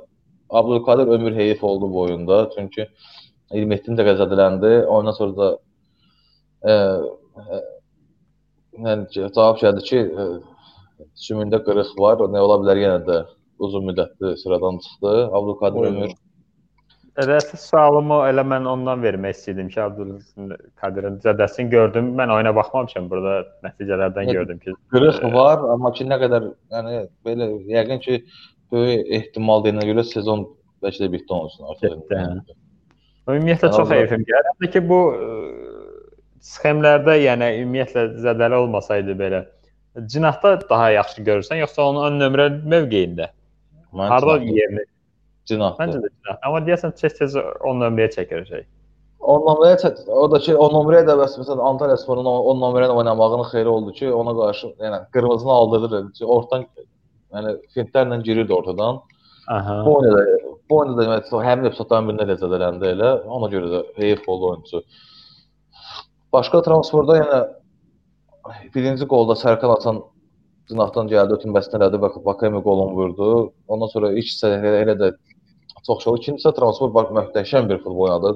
Sözün həqiqi mənasında. Yəni paslar hamısı dəqiq. Abdülkadir Parmak çox gözəl oynadı. Flavio görsənməyən oyunçudur belə. Flavio da 6 ildən sonra 2 dəfə qol vurdu bu gün. Hətta ağladı elə. Qol vurandan sonra da özünü saxlayamadı, ağladı. Yəni 6 ildir oyunçu qol vurmurdu, gəldi burada qol vurdu. Komanda yəni bütün qollara da ancaq paslaşmalarla, yəni hazır hazırlanışlı qollar idi hamısı. Yəni komanda komanda oyunu kimi qollar vuruldu, vuruldu hamısı. Canini də qol vurdu bu gün. Canini'də bir dənə maraqlı xasiyyət var, mən belə deyim. Bu adam normal topu vura bilmir. Yəni rahat top gəlsin, to oyunçu topu vura bilmir. 2 2 qol var çempionatda. Hər ikisini elə qol vurub ki, onun yerinə başqa adam elə zərbədən qol vura bilməzdi. Normal toplar vuran bir adam qeyri-adi qollar vurmağı bacarır. Yəni bilinmir bu oyunçu indi gələcək həftələrdə nəsə eləyəcəm, eləməyəcəm. Yəni sırf yəni böyük komanda qolçusu deyil bu adam, amma ən azından qolunu vurdu. sonra son dəqiqələrdə transfer artıq topu başladı verməyə oje e, Konya Spora Şengeliya sonradan girmişdi. Levan Şengeliya da yəni çox gözəl oyunçudur. Yəni Dinamo Tbilisi Qəbələ oyununda mən canlı şahid olmuşdum hər iki oyunda. Yəni Şengeliya doğrudan da çox super oyunçudur. Oyunda da özünü göstərdi. Edgardan sıyrılıb qolunu vurdu. Düzdür, qoldan qabaq Abdulkadir Bitigen hakimin də çox maraqlı yan hakimə əsas səhvlər var. Çünki top 2 dəfə qoldan qabaq out oldu. Hər ikisindən top Konyasporun çıxmasına baxmayaraq topu verdi Konyaspora. Düzdür, o səbəb deyil, amma ki, yəni də diqqətsizlik deyərdim buna. Şengeliya da yəni öz ustalığı sayəsində gözəl sol ayağından gözəl zərbəsini vurdu və yəni ən azından yəni təsəlli qolunu vurdu. Yəni başqa yəni 3-1-də transfer qələbəsini qazandı. Aydın. Düzü mən bugünkü oyuna baxa bilmədim, amma bir şey deyə bilərəm. Yəni ki, bəla bir tackle-lara baxmışdım. Bilmirəm Konya nə qədər çətinlik yaradıb şeyə, Trabzona. Amma burada tackle-lardan 26 tackle edib, bunlar sadəcə 5 dənəsini mərkəz oyunçusu edib. Yəni çox maraqlı bir şeydir. Mənə görə azdır bu. Yəni Kuba bu daha çox e, hələ bir ki rəqibə yaxın oynamış kimi görünür yəni. Ya nə deyim, Konya hələ də çox gəlmirdi, gəl gələ bilmirdi. Yəni deyirəm, cinahlardan gəlməyə üstünlük verirdi. Deyirəm, Ömər Əli Şahinər və Çikaleş ilə. O da ki, Sərkan Aslanov Marlon qəti imkan vermirdilər. Hətta hava toplarında belə Marlonun Sərkan Aslanov o qısa boylarına baxmayaraq topları uzaqlaşdırırdılar, alırdılar. Və Sərkan Aslan son 10 dəqiqədə qol vurmaq üçün nə, nə qədər getdi qabağa ki, özü qol vursun. Çünki gördü ki, rəqib komanda heç bir şey eləyə bilmir. Orada da meydana sonradan girən Yusuf Sarı paxıllıq elədi ki, 2 dəfə pas vermədi Sərkana ki, Sərkan belə gözəl oyunu qolla tazlandırsın belə deyərdim. Yusuf Sarı özü vurmaq istədi, onu da vura bilmədi. Aydındır. Amma Trabzon niyə görə bu qədər çox uzaqlaşdırma edib? Hər halda çoxlu cinahlarda oynadıqları üçün idi. Adı asmalar idi çoxu. Əsmalar endirəm. O, yəni o mərkəzdə orada da görsən çoxu mərkəzdədir. O onunla belə o toplar çoxunu yenə də Sərkan Aslanın Mar Marlon çıxardı. Burada statistika verib. Hugo da 5-dir. Yəni görüm Sərkan Hasan da 2-dir. Ola bilər Edgar da yoxdur. Edgar desən alacaq. Yəni olmadı. Yəni mərkəz müdafiəçilərinə Edgar bir dəfə lazım idi onun işə qoşulmağı, onda da Şengelə onu keçdi qol vurdu. Maraqlıdır. Keçən həftə şey oynayırdı. Hüseyni oynayırdı səhv eləmirəmsə. Nədir bu həftə dəyişdi? Hüseynin nəyə görə deyim ki, Hüseynini komanda saxlamaq istəyirlər. Çünki ehtiyat müdafiəçi lazımdır komandaya. Sinif oyunçudur, həm də yaşlı azdır. Yəni ehtiyat oyunçu kimi yaxşıdır. Hüseyn amma komanda qalmaq istəmir. Da davamlı oynaya biləcəyi bir komanda istəyir. Mən deyirdim bəlkə ona görə də Hüseynə biraz şans verdilər ki, bəlkə fikrini daşındırsın, komandada qalsın. Hmm, aydındır. Bir şey soruşmaq istəyirəm Tarix səndən. Yəni Trabzonda nə transferlər çox eşidirik. Berat oynadı bu gün, çox maraqlı deyirlər, oynadı da Berat. Sonradan girdi oyuna. Berat Berat deyə belə deyim. Beratın oyununu mən e, düz az oynadı, 20 dəqiqə oynamadı. Beratın oyunu mən nəyə oxşatdım? Hələ, hələ həm xarici görünüşündən, həm də elə oyun tərzində. Okay Yokuşdu kimi oyunçudur. Yəni elə oyunçu transferi lazım idi. Yəni sərt oyunçu da belə çıxır. Hə, sərt oyunçu həm belə deyim, həm də dayaq dağıdıcı, dağıdıcı. Hə, sərt dağıdıcı oyunçu, dayaq yəni yarım dəfəsə oynaya bilən, lazım olduqca lazım olanda qabağa da çıxa bilən, yəni belə oyunçu lazımdır. Çünki transportda yəni düz 6 nömrə kimi də demək olmaz, amma 6 nömrə yox idi komandada. Bu 6 nömrə yerində oynaya biləcək bir oyunçudur. Berat. Yəni Beratı buran tapa bilsəm, bir dənə hit mapına baxım onun, görüm hansı pozisiyalarda oynayır, özümə də maraqlıdır. Berat. Orta. Daha sonra orta və arxaya doğru gəlmə oynayıb. Yəni ki, çox heç qabağa çıxmayıb demək olar. Çıxmadı, yox. Təbii öz yerinə bir az çıxdı, bir şey toza çıxdı, da pas verdi. Hı. O da bilmirəm, Canin desən sən Afobe idi artıq oyunda, sonra sonradan yox. Afobe də yəni topu saxlaya bilmədi özündə. Kamil Əhməd də standart oyunçudur, sonradan girmişdi.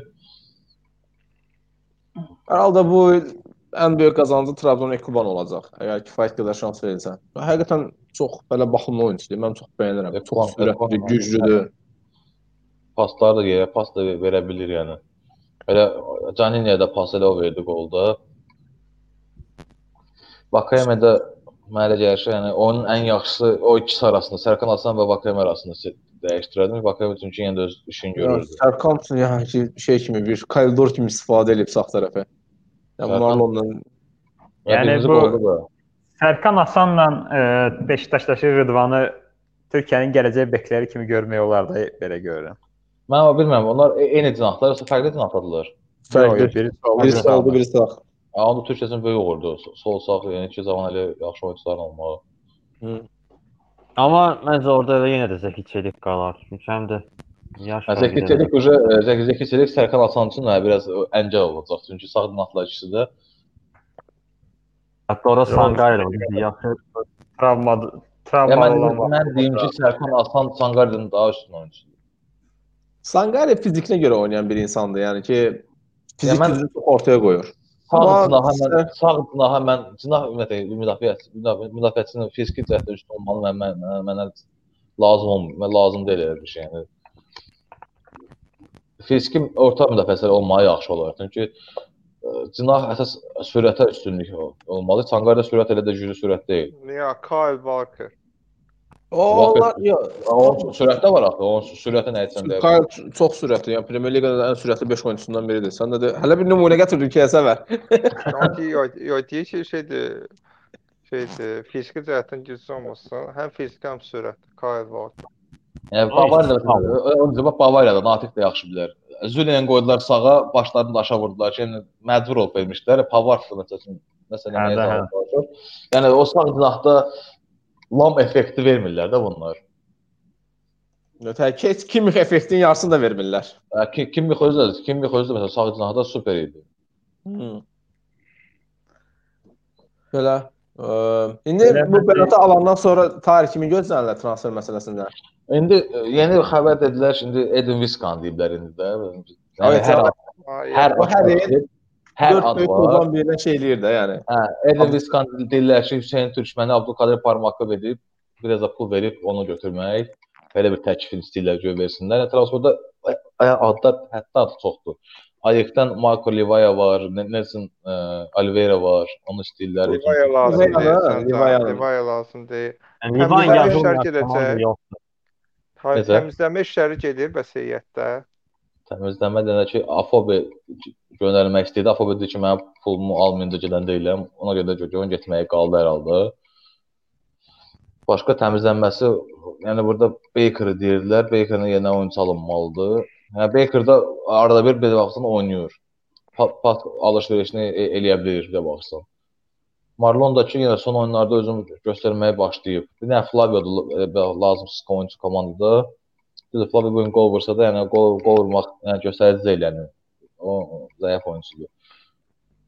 Yəni deyirəm, adlar həddən da çoxdur. Şeydən Fatih Karagümrükdən Biglianda ded dedilər ki, transfer istəyir. Ondan əlavə yəni adlar çox idi. Yəni yəni o qədər o qədər çox ad var ki, adam Yəni, yadından mərkəzdə istər-istəməz Beratdan başqa bir oyunçu da alacaqlar, belə düşünürəm minimum. Adamlar adlar da çoxdur yəni. Hətta hətta Enzo Perez adı O- çıxdı bir ara dedilər ki, hər şey gəlir, gəlmir. Yəni qaldı. Yeri gəlmişkən ə, baş vermiş transferlərdən də, yəni o Biglian dedi, çox gözəl transferdir. Yəni bu yəni təsəvvür elə ki, neçə il top klublarda oynamış bir oyunçunu sən ə, Türkiyədə aşağı liqadan yuxarıya təzə qalxmış komandaya gətirə bilirsən. Çox böyük uğurdur. Yəni ə, bu səfər qələbəsini qazandı. Səfər həmsi ilk, ilk qələbəsi idi ya da uzun müddətdən sonra ilk qələbəsi idi. Yəni o cür oyunçuların ora gəlməyi. Məs Beşiktaş Beşiktaş da deyirəm. Trabzona gəlsəydi də çox böyük effektiv olardı. Yəni ki e, Karagümrükün o, o oyunçunu gətirə bilməyi çox böyük uğurdur məncə. Yox lazım, Elə- ta- ta- transfer mütləq lazımdır orada bir oyunçu. Yəni Abdülkadir Parmak düzdür, can qoysa da o mövqe oyunçusu deyil. O indi oynadığı mövqenin oyunçusu deyil. Yəni oyunçular lazım transferə. Əsasən qol vuran oyunçu lazımdır. Güclü qol vuran yoxdur komandada. Yəni da o, Yəni, tam da finisher yoxdur da, yəni ki Ekuban Hə. hər şey var, amma onu bitirməyi yoxdur. Məsələn. Ek Ekuban da var, amma məsələn Sörlotdan sonra sən gəl Canini, Afobe oynat, yəni o yəni keçən orada Sörlot olmasaydı orada, yəni deyərdin ki, hə, nəsə bəlkə nəsə deyəcəklər bunlar. Amma Sörlotdan sonra sən düş Afobe, Caniniyə, orada fərq hiss olunur.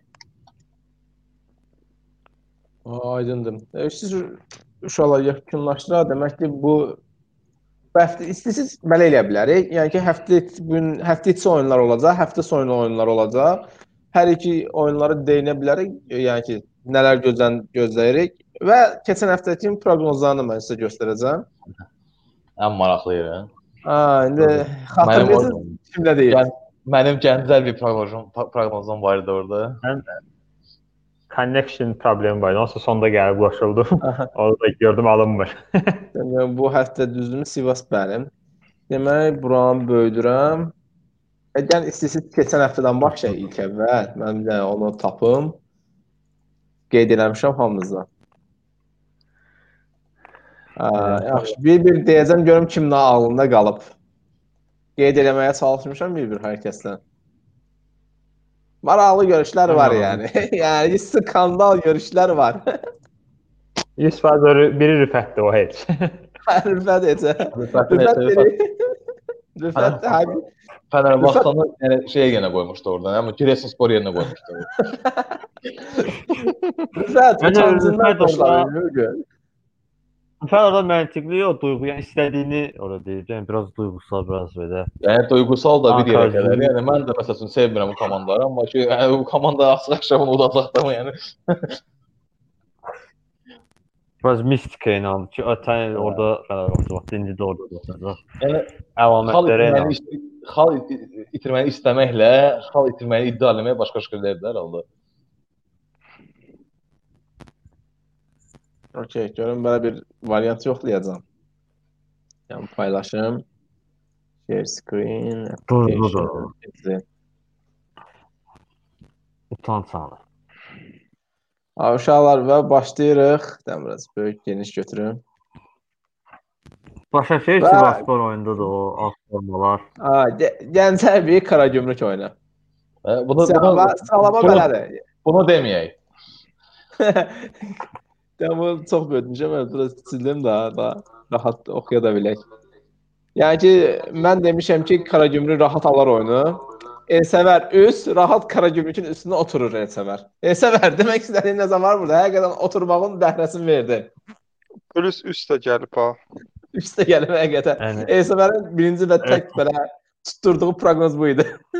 Xeyr, Sonra xeyr, Tahir, mən gənclər keçən udmayacaq. turda- Bəlkə qələbə də qazandı hətta. Belə uğursuz, uğursuz bir şey. 2-1-dən sonra çox ümidli idim. Yəni dedim bəlkə nəsə olar. Rıza, nə deyib? Gənclərdən nəsə gözləyirəm. Qaragümrükün səfər performansına deyinib, amma Natiq demişkən ə, artıq yəni ilk səfər qəbələsini aldı. Necə aldısa axı? Bitər yalan dedi. Gəldilər bu oyuna gəldi. Və Rüfət heç heçə. Rüfət konkret deyib və oyun biri çıxardı. Natiqin burada bir dənə revyusu yoxdur. Gəldi Konya Göz- Göztepe'yə. Hə, dən görüm burada maraqlı şeylər var. Hə, yeni məşqçi faktoruna görə ən azı bərabərlik deymişəm mən. Göztepe'də. Təmiz heç heçə deyib Elsəvər. 1-1 hətta. Hesabı da tapmışam da dedə. Hə, Tahir Konya Spor deyib. Sonra Yes. Rıza. Bu tur Göztepe'dən qələbə gözləyirəm. Ünal Ka- Karamanı açıq elan eləmişdi adama. Heç kim bilməsə də keçən həftədən Rıza Ünal Karamanı elan elədi burada. Və ən son Rüfət nə deyib? Göztepe qələbə. Oo. Rüfət. Gözləmə. Yanılmaz dedi. Gəldik 3-cü ayımıza. Başak Bir Sivas dəqiqə, bir oyunu. dəqiqə, bir dəqiqə, bir dəqiqə. Oyun neçə qutarıb? Göztepe utdu. Gözləmə. Neçə? Deyirəm, Natiqi də qoşum. Ha, Natiqi də qoşum. Başak Sivas. Mən nə demişəm? Başak bu həftə xal itirəcək demişəm. Da da da. Elsəvər 3 və gol-gol deyib. Yəni deməyib nə olacaq da. Yəni. 50 Sonra şimdi bu Tahir Başak qələbə deyib. Rıza Başak uduzmaz deyib. Rüfət də ki Başak qələbə deyib. 1-1 qutarıb. Burada biraz mən haqlı çıxmışam. Çox gözəl, çox gözəl yemiş yəni. Natiqi qoşuram streamə. Ka- Gaziantep Kayseri. Mən bərabərlik olacağını düşünmüşəm. Elsəvər Gaziantepə qələbə atıb. Demişdi ki, özə belə bir şey demişdi ki, onlar deyib prezidentləri özlərini göstərməlidir. Şumindikanı qovublar, komanda özünü göstərəcək demişdi. Sonra burada Tahirdən bir nəsə review görməmişəm. Kayseri uduzmaz deyib Rıza. O möhtəşəm. uduzdu. Rüfət, Gaziantep'in bir hətta iki topla qələbəsi. Vay, mən oyunu yazmamışam ki bura. Kədərlidir. Yarım dəqiqə. Burada neçə neçə Rüfət. Tahir, əməlli başlı yazıram ha. İndi nə deyəcəm, onu bir dənə qırağa yazar. görüm bu result. Görüm nə- oyunun nəticəsini deyim. ha, Oyunun nəticəsini orada 2-1. buraxmışam. 2-1, 2-1 Gaziantep. 2-1 Gaziantep qələbə qazandı. 2-1 Qaziantep Qazabağa qazanıb. Lap qəşəng. Keçdik sonra. Sonrakı oyuna gəldi bura. Alanya Trabzon, Antalya. Trabzon. Gəldi bura. Məndə məndə bir şey yoxdur. Elsəvər alt Trabzon qələbə. Alt gəlib. Sonra AFB özünü Tahir deyir. AFB özünü göstərmək istəyir. Bir həftədə deyir, top görmür. Deyəsən rahat qəsəb qələbəsi. Afab özünü göstərdi amma deyim ki, bu qələbə olmadı. Ondan sonra Rızada bir şey oldu. Rüfət nə deyib? Antalya uduzmaz deyib. Aa bu Rüfət artıq 3-cü təxmin düz çıxır ha. Bu adamı dəyərləndirmək lazımdır. Məni yaddan çıxarırsan. Mən orada partladıram. Sən valla ola bilsin sürətli qeyd eləmişəm denə, tanımamışam. Denizli Hatay. Mən burada demişdim ki, mən böyük bir zövqlə Hatay izləyəcəm və izləmədim. Kədərlidir. Dedi və izləmədi. Dedi izləmədi. Hataylar. Hatay rahat qələbə Elsəvər deyib. Mən deməmişəm. Ondan sonra Tahir bir şey deməyib. Mən Rıza Hatay qələbə deyib. Denizli uduzmaz. Kim deyib? Bu Rüfət deyib. Oyun Rüfət. insentivləri bir dənə baxaq. 2-0 Hatay. 2-0 Hatay idi. Hatay udub, yəni ki, səfər komandasıdır. Məlum. Deyə mən baxıram Rü- Rü- Rüfətdə bir şey var. Rüfət Qalatasaraya yaxın komandanın hamısını xatirməyinə şey deyir orada. Gəldi sonraki oyuna. Yeni Malatya Çaykur Rize. Buralar biraz sürətli keçmişik. Mən deməmişəm. Yeni Malatya çox rahat qələbə Hamza keçən oyun əsəbi idi. Mütləq deyir 2-0 udacaq. Elsəvər deyib bunu. Və düzdür, Kubatda 4-1 olub. 4-0 Sonra Biraz nə sonra. Malatya rahat qələbə Rüfət deyib. O Rüfət yenə də öz sözünü deyir. Növbə. yenə Fənər Ankara gedəcək. Bir dənə söz deyim. Mən Türkiyə çempionatı istəməyən adam kimi hesablar tapıram ha. Fənər Ankara. Mən bir şey Sən elə deməmişəm. bilirsən ki, o hesab yazanlar var ya, o topazda bütün gün yatanlar. Onlar elə bilirsən oyun izləyirlər. Yəni o Mən- Tü- Türkiyə çempionatı elədir ki, yəni məntiq yoxdur. Yəni Hə. Bura əsasən biz hamımız oturmuşuq Fənərin rahat qələbəsini dedik. Heç birimiz də belə risk eləmədik. Danışığa dəyməz deyib Tahir. Nə bilim. Bir də burada Rüfət Fənər qələbə qazanmayacaq və bir nidalarla. Adam deyirəm ki, burada şeyini belə öz hissəni coşdurmasaydı, rahat bu oyunda da qələbə deyib partladırdı bu gün. hakim barmağı hansı başqa oynadı? Hakim ha. Ən maraqlısı odur məncə. O Yox, var. Ərzuruma. O yəni Kasımpaşa. Erzurum. Ha, Məndə onu şey ver, yoxdur. onu ver, onu ver. Bax Ərzurum'u Rüfət, Rüfət. Erzurum xal ala bilər deyib şey. Mən, mən, mənəm. Tahir deyib, aha. Rıza nə deyib? Kasımpaşa qələbə deyib. Rüfət öyle deyib. Hakim barmaq olmasa Kasımpaşa qələbə deyib. barmaq olmayıb, amma adamlar çıxıb oyun, oyun oynayıblar. Necə bir bir dənə baxım bir dənə oyuna. 2-1 desən Ərzurum Hə, utdudur. səfər, Erzurum səfərdə tutdu. Hə, buradan sonra bir dənə Rüfətdə böyük bir performans iş yaşayıb. Hə, Fənər Qalatasaray oyunu. Yox, bu şey Beş, Beşiktaş qalsın. Beşiktaş Qalatasaray oyunu. O şey deyə bilmirəm mən, Excel-i. Oyun. Eləyək ya bu oyunu. Və texnologiyanın şeyinə şey deyirəm. Tele nəsə belə böyüdəcəm göstərəcəm. Amma zamanı öyrədirsən bizə qal. Okay. Hə, başlayacağam. Mən şey 1-1 deyə belə sevər. Daha mən şeyə alt demişdi. Yəni 1-1 olduğu qənaətinə gəldik. Burada Tahir. ə, Burada əslində dəngəm nə demək istəyib bilmirəm. Mən səhv qeyd eləmişəm. Burada şey demişdi, alt demi bərabər demişdim Tahirdə. 1-1 demişdi. Burada Ha. 1-1 yazmaq istəyəndə 1 yanvar 2021 düşüb. Sonra Rıza alt bərabərlik deyib və Rüfət 2 2 hesab deyib. 0-0 Ha. ya da 1-1. Yenə Fənər, yenə Fənər olmur. Fənər udmayacaq deyib burada. Fənər, Fənər. Deyib ki, mən sərgiyə inanıram, amma bu oyun yemədi getdi deyib. Də Yemədi. Yox, mən razıyam. Fatih yedi oyunda. Yəni heç mən demişdim ki, Sərgən bir yolunu tapar, oyunu 1-0 udarda, yəni 1-0 bağlayar bir cür. Yəni Sərgənin derbi performansı çox yaxşıdır. Açığı mən özüm də heç şey gözləyirdim. Yəni orada çatdırıb Natiqi, Natiqdən görüm. Natiqi burada bir dənə dediyi var idi. E, Trabzon şey, Antalya'da bir HTC. Bir də- Həqiqətən bu Ola HTC bilər. Kasımpaşa şey Kasımpaşa deyirəm. E, Kara e, Kara Gümrüyü də dedim. Prosta deyəsən səsim getmədi. Mən də ondan Ha, sonra səsin başım getmədi. buraxdım. aydındır. Ebil Geçen- iki oynanmayan değildi. Hə. Bu həftənin oyunlarına Ha. keçək istəyirsiniz. Növbəti 2 həftənin daha doğrusu.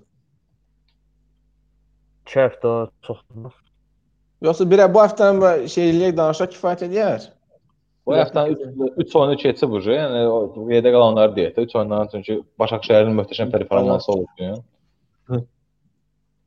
Buradan paylaşmağa çalışım mən. Demək, bura böyüdək mümkün qədər. Aha. Qalib eşidirsiniz məni? Eşidirik bəli. Xahiş edirəm həftənin qalibini de. Sən digər adamı çox tərəflə. qalibi Rüfətli. ya çıxar. Adam 5 dənə proqnozu düzgün çıxıb. Sən Ya, mənimkiləri onda- saydın ümumiyyətlə. Hə?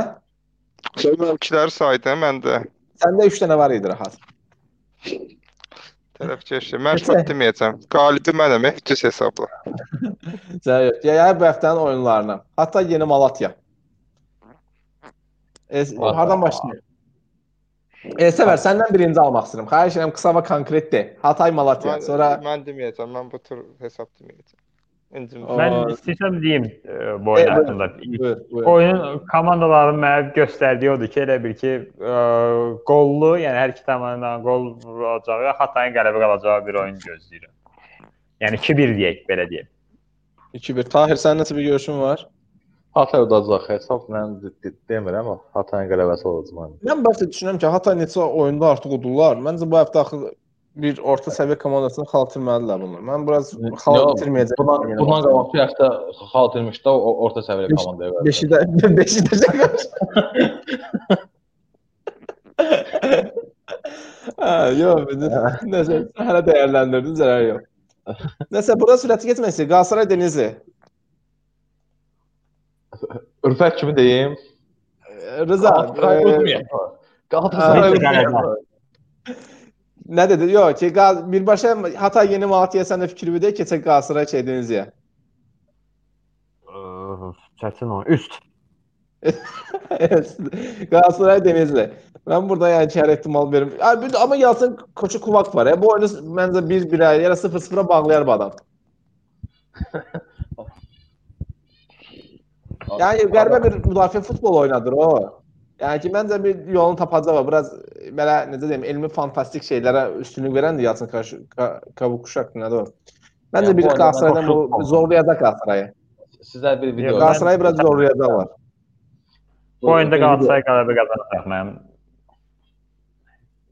Mənim adıma Mən- yazılar, Səncə? qələbə yazdı. Sonra. Mən Dəniz Spordan və Galatasaray birdən artıq top olmasa xal itirəcək. Yəni qol buraxacaq Galatasaray bu oyunda. Məncə də heç. Gol gol da. Qol gol. Galatasaray ik- ikinci topu vura bilməsə xal itirəcək. Tamam. E Səvər, fikrin var Galatasaray Denizli. Yox, mən şöt deməyəcəm. Ay sən. Rıza, sənin görüşün?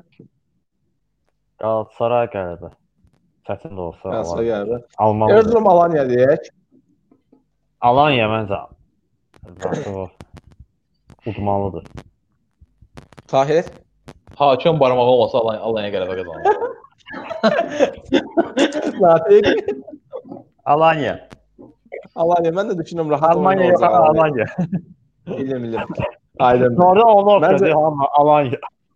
Ha, mən də gözləyirəm ki, Alanya bu dəfə çox rahat qələbə alacağını düşünürəm. Yəni düz Erzurumda oynayırlar. Çox soyuq olacaq. Amma məncə Alanya da istəyirdi. Amma yox, ay, fikrim dəyişdi əvvələ. soyuq hava problemi olur. Stadionda nə gündə idi də görmüşdük keçən həftə. Fənər oyununda. Məncə O, bu hələ Mən futbol həmişə təsir edən bir Yəni, şey. hə- hə- Hələ danışdın ki, elə bir Alanya oynasa bütün günü plyajda çimirlər. Onlar da hələ hələ Yox, onlar biraz- top top oyun oynayanda, position oyunu oynayanlar da onlar. Yəni ki, topla nə nəsə eləmək istəyənlər də. Ona görə mən düşünürəm biraz problem yaşayarlar. Daha doğrusu mən fikrimi dəyişirəm. Amma məncə Biraz- reaksiya verməlidir məncə Alanya. O da Yəni o tərəfdən də Belə düşünürəm, bu tərəfdən də düşünürəm. Ya ortada oynayır biraz, nə bilmirəm. Qaqa tərəziyə qoydu onu. Şey- Tərəziyə qoy gör hara ağır basır. Aa, Fatih Karagümrük Beşiktaş. Oho. Rıza, Çətin səndən başlayaq. Çətin oyunlar. Beşiktaşın oyununa təxmin demək istəmirəm. Sonra Rüfət kimi belə Tahir, nə düşünürsən? Beşiktaş rahat qələbə. Olimpiyatda oynayır, Oo. Olimpiyat stadionu, külək zad. Ne istəyirsən var. Nə olsun da. Kara Karagümrük ya, ya komanda yaşqama o, bə- o məşqin orada nə iş gördü mənə çatmır ümumiyyətlə. O bir sənə Süleyman Xurman komandasıdır da. Hələ keçən illər deyəsən o məşqçi qalıb orada. Hətta ondan Hə. əvvəlki liqada qalxanda da. Ə, Yo, yo, məşqçi şeydi, Ömər Erdoğan idi. O A- ayrıldılar, oradan- sonra bu gəldi. Şimdildən. Yəni bu, Hə, bu, o da bu, bu, hatırlayır. yəni bunu sonradan niyə gətiriblər? Və komanda çıxıb bu liqaya, bu məşqçini hardan tap gətiriblər? Yo, mən Şənolcan desən e, çempionatdan 1-2 tur əvvəl gəldi. Yəni bu liqaya Şənolcan çıxarmış. Deyə bilmirəm, o, o çox belə tez dəyişdi. Amma Şənolcan Qaragümrük e, düzdür. Nə nəticələr nəsə edir, amma Beşiktaş oyunda heç nə deyə bilməyəcəklər. Mən mənim fikrim. Şey, bu gün Sabonu satıblar bunlar. Yəni yaxşı uzun oyunçulardan biri idi. Erik Sabo. Çaykuruzda Var, getdi. Hara? Çaykuruzda. Çaykuruzda Şumidika və s. yığıb axı getdi. Mən də bir şey deməyə ç- çətinlik çəkirəm. Ona görə ə, ən çox ağlıma gələn şey bu gol olacaq. Yəni qollu oyun olacaq hər iki komandanın Və qolu. məsələn Yolunu Beşiktaşın ən əziyyət çəkdiyi komandalar necədir? Belə müdafiə oturub da Beşiktaşa bir yer buraxmır və kontratak hücum edən komandalardır. Biraz kara Eləyəcək gümrük də məncə. şey var. Endao var, səhv eləmirəmsə. Digəri kim idi bilmirəm o tərəfdə. Nəsə bir amma belə sürətli komanda deyillər. Mən inanmıram Beşiktaşa qarşı belə aman aman kontra hücum eləyərlər. Bado Endaye vardı orada. Yəni adı var da, yəni belə şey deyil. Biraz statik komanda. Deyə oturub pas Ya. oynayan komandadır. Heç nə eləyə bilməyəcək Beşiktaşa qarşı. Keçək belə çox vaxt itirməyək, keçək Sivas Fənərə. Fədər xatirədir. Hə, Mən də xatirəcəyini düşünürəm bu dəfə. Yəni öcə 5-ci oyunda ardıcıl olurlar. Məncə də. Ha, yəni ki, Məncə özü o belə qaysı oldu ki, axşama salınıb soyuq Sivas havasında Fenerbahçe'ni bitirməyə çalışırlar və s. Mən Hüseyn burada mən bir şey xahiş edəcəm. Rüfətin də yerindən də yaz ki, Fenerbahçe uc- ucadı. Rüfətin yerindən mən Fənər də bilməyəcək. Okay, ondan sonraki həftəyə baxıram. Görüm nəsə belə maraqlı bir oyun varsa birbaşa onu demək. Başakşehir spor maraqlı oyun olacaq məncə. Ya belə deyim də, Sivas Fenerbahçe'dən sonra yenə danışmağa əgər 2 gün 2 gün sonra da oyun. Yəni mən 2 gün ayın neçəsidir? 21-i qutarır, 21-i bilmirəm. Eləyə bilərik, eləyə bilmərik. 5-ci 22. 4-cü günə düşür. 22-si də oyun yoxdur ayın 22-si. Baxım bir dəqiqə. Həm də məncə Türk Türkiyə çempionatı ki, bir həftəyə balans dəyişir. Ona görə 2 həftə qabaq. Okay, əgər alınırsa 22-si eləyərik və bu oyunları ayın 20-sindən başlayarıq müzakirə edərik. Şey. Okay, ondan. Elsəvər bu, bu həftə öz proqnozlarından bizi məhrum buraxdı. Həqiqətən kədər hissi ilə doluyam. Topaşdılar Yəni, ağlayır. Fikirlərimi ifadə edə bilmirəm. Yəni çox gözəl bir yayım oldu. Ə, burada məncə sağollaşaq artıq 1 saat 17 dəqiqəlik yayımdayıq. Ə, və maraqlı bir şey deyim ki, bizə bir dənə komment gəlib ə, Türkiyədən. Hataysporun bir tərəfdarı idi səhv eləmirəmsə. Bilmirəm necə tapıbsa, yəni bizim şey yayına baxıb və komment yazıb. Çox sevindim buna. 30 izləyicimiz vardı keçən həftə. Bilmirəm siz özünüz izləyirsiniz, izləmirsiniz. Yəni ki, amma 30 nəfər hər halda hər kam evdən zatdan bir dənə qoşuntu olur. Yəni pis deyil yəni. 30 izləyici üçün səndən təşəkkür edirik. atmaq lazım. Əlbəttə, Hər birinə təşəkkürlər. Mən yüklənmə zamanı keyfiyyəti danışıqları yoxlayıram əsasən. Yəni tam Hı ə, mə- mövzudan xəbərdar olduğu üçün, kimin nə dediyindən xəbərdar olduğum üçün tam izləmək maraqlı gəlmir. Amma müəyyən hissələri qabağa çəkə-çəkə belə yoxlayıram görüm keyfiyyət nə yerdədir. Ə, yəni o da ki, yəqin ki, bir nəfər kimi düşə bir nəfər mən düşə bilərəm. Amma belə ümumilikdə ə, inşallah ə, sayımız yenə artmağını gözləyirəm. Ə, izləyənlərin hər birinə təşəkkürümü bildirirəm. Eyni zamanda bu eyni zamanda mən podkast kimi də əlavə edirəm. Yəni dinləmək istəyən olsa Apple-dan və ya Google-dan da bizi izləyə bilərlər. Ya dinləyə bilərlər. Yaxşı. Sağ olun. Ya bu həftəlik də bu qədər.